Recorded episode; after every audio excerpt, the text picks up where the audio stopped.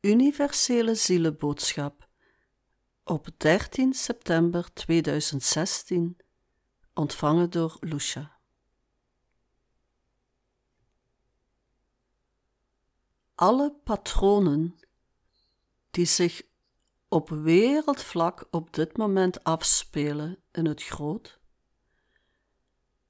zijn eveneens copy-paste herkenbaar in de levens van individuen, van groepen, verenigingen, gezinnen, sociale structuren. Dus alles wat gezegd kan worden over het macro-wereldvlak, kan tot in miniatuur herleid worden tot de individuele levens van mensen. De herkenning daarvan en het niveau van herkenning daarvan is afhankelijk van wie kijkt en wie begrijpen kan en wie niet. Wie dit niet begrijpen kan, is niet erg. Dat wil niet zeggen dat het niet zo is. Maar voor hen die het grote kunnen zien en daarin het kunnen herleiden tot het kleine van hun eigen leven en van hun eigen context waarin dat ze zich bewegen, is het heel belangrijk om te weten dat er plaatsen zijn op deze wereld waar op dit moment het leven koud is.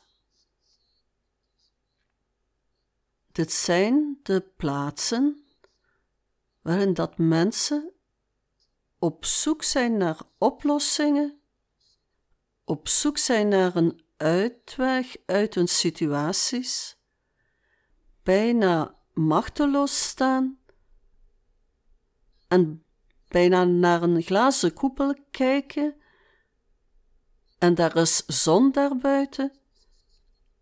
En het is precies alsof dat die mensen niet uit die glazen koepel kunnen komen en niet in aanraking met die zon kunnen komen.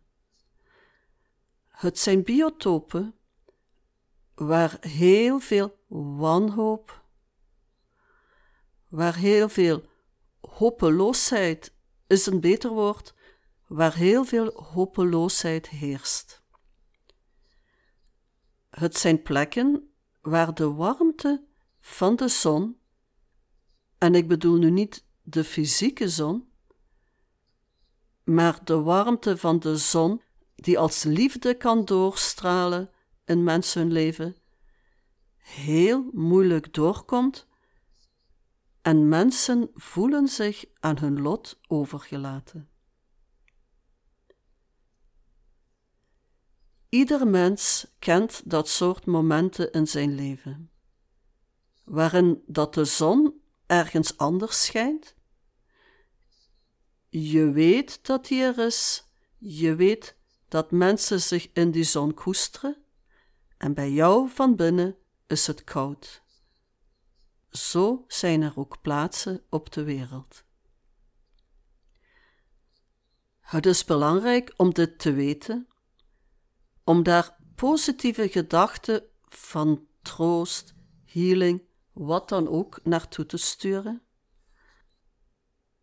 Maar het is ook belangrijk om te weten dat er sommige situaties niet getransformeerd kunnen en hoeven worden. Sommige dingen moeten gewoon uitgezweet worden in de loop van de tijd Sommige gebeurtenissen moeten gewoon gebeuren, gelijk ze zijn. En het enige wat we daaraan kunnen doen, is weten: er is daar lijden, er is daar pijn.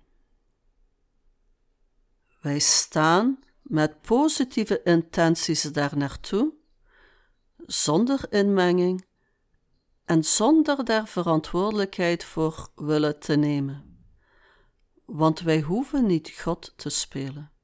We hoeven niet de hele planeet Aarde zo te herstructureren gelijk wij denken dat ze zou moeten zijn. Die koude plaatsen, hoe, hoe hopeloos die ook mogen lijken, hebben hun nut. Ook voor die zieltjes die daar op die momenten vertoeven. Ook voor die levens die daaraan blootgesteld zijn. Bevriezen van de kou hoeft geen dramatisch heengaan te zijn. Ook een onaangename situatie kan, in het uitdoven en in het loslaten van de materiële werkelijkheid, een perfect vredevolle uitkomst en intrede betekenen aan de andere kant. Vergis je niet. Dit is een waarheid. Wij denken dat wanneer een leven op een traumatische, niet met liefde omringde manier eindigt, dat het altijd ook traumatiserend is voor de ziel. Dat is niet waar. Er zijn zielen die perfect kunnen in zeer barre omstandigheden leven, dit leven verlaten, zonder ook maar één greintje beschadiging, en met een dosis van pijn die die zielen net verdragen kunnen. Het is ook een belangrijke boodschap voor jezelf dat wanneer je in zo'n periodes terechtkomt, denk niet van ik kan dit niet dragen. Je krijgt de kracht en je zal merken dat het milder gaat voelen dan je denkt, tenzij dat je er angst in investeert. Laten we geen angst hebben van de koude plekken die er op aarde zijn. Er zijn zeer mooie ontwikkelingen ook, die als het ware de nieuwe kracht vertegenwoordigen. En je zou je kunnen verbazen waarom dat die twee niet met elkaar kunnen in communicatie staan. En waarom dat de ene, de kilte, van waar dat de andere in moeten leven, niet kunnen veranderen. Maar het heeft ermee te maken dat het gewoon tot bloei moet komen en dat die mensen die wat in die donkere gebieden leven, van onderaf aan terug zullen opgroeien. In de nieuwe wereld die gecreëerd wordt. Dus het is niet zo dat de wereld zoals ze nu is moet veranderen.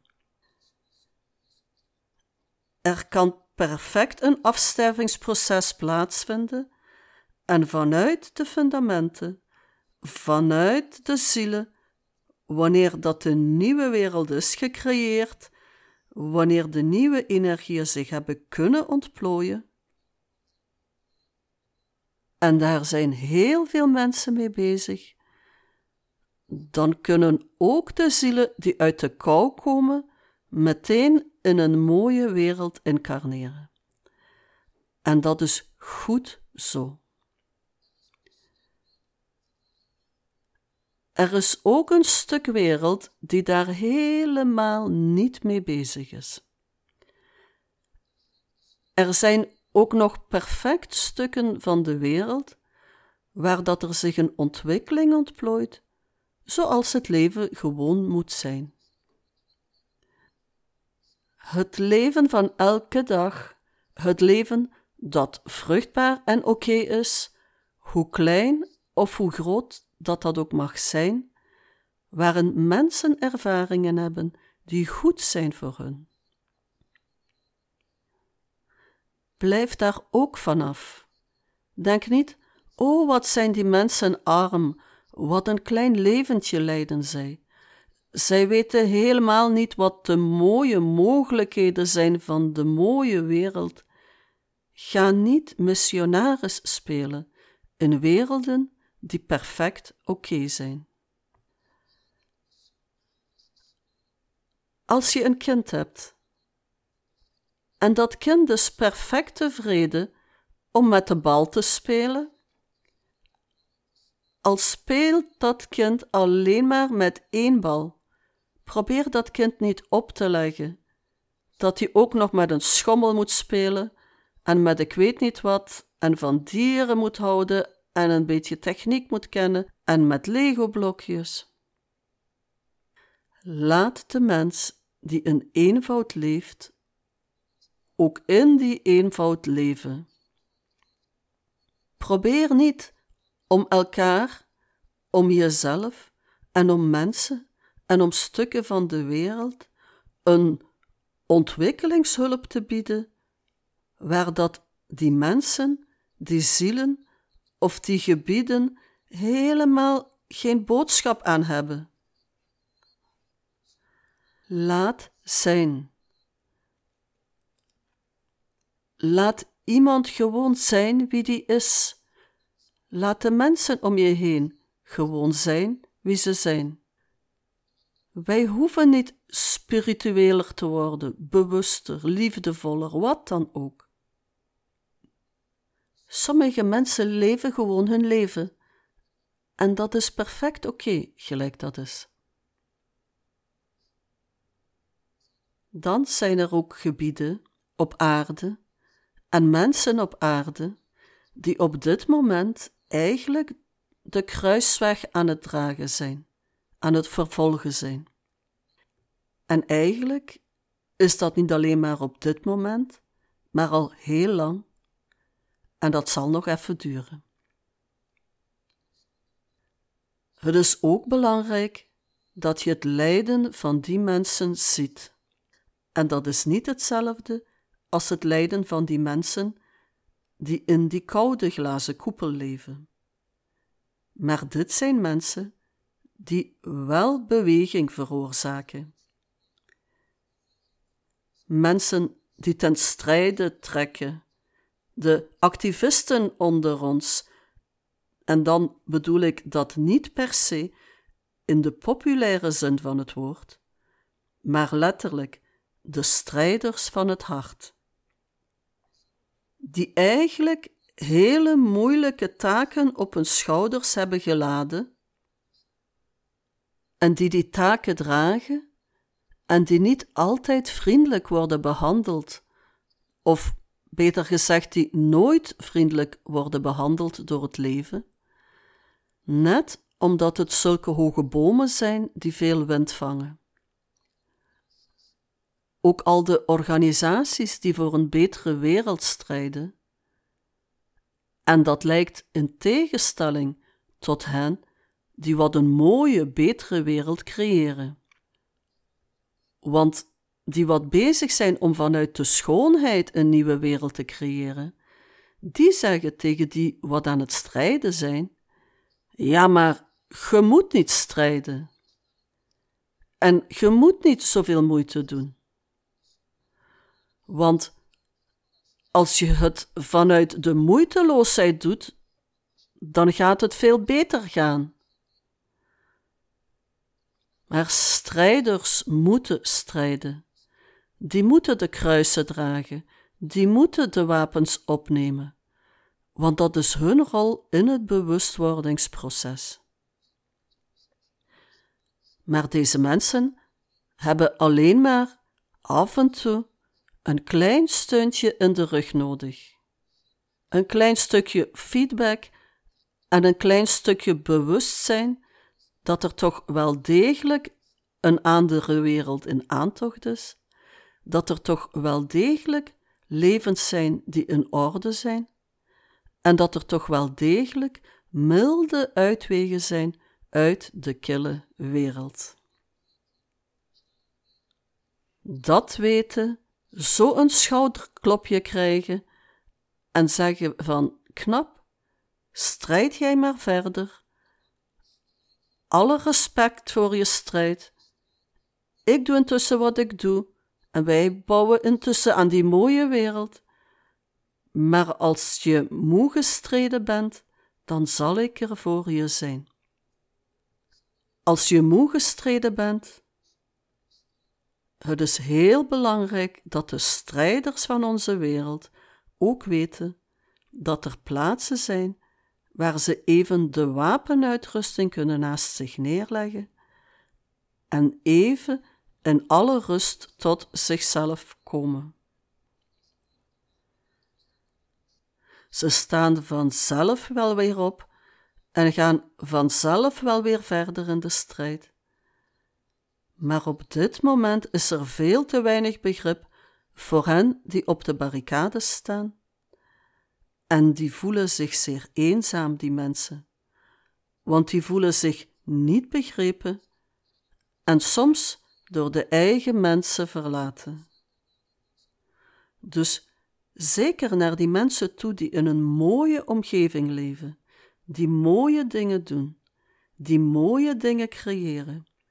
Vergeet niet om de krijgers niet zozeer te ondersteunen, want je wil niet in die strijd staan, dat is hun taak, maar het is wel belangrijk dat je ze af en toe een hand reikt, af en toe een glas water geeft, zoals men dat aan Jezus heeft gegeven toen die viel met de zwaarte van het kruis wat hij te dragen had, wat hij zelf op zich heeft genomen. Dat glas water aan zo'n krijger doet dan wonderen. Doe dat dan ook.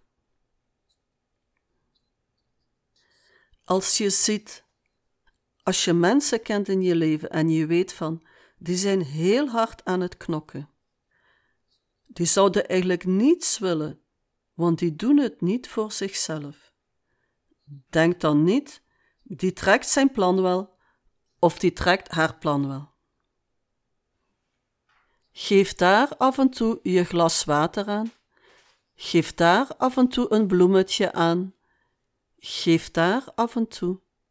Deel daar even vanuit uw harmonie en vanuit uw rust. Vertel ze dit verhaal van troost. En dan komen we samen wel een stukje verder. Ook als je zelf je eigen kruis te moeilijk om dragen vindt, weet dan dat je misschien gewoon een glas water nodig hebt en een blik aan de overkant om te zien dat er ook nog een andere wereld bestaat dan alleen de wereld van de strijd. Dat bewustzijn en die paar druppels water gaan jou de kracht geven om verder te gaan, zonder dat je je per se hoeft terug te trekken. Einde Universele Zielenboodschap 13 september 2016 Lucia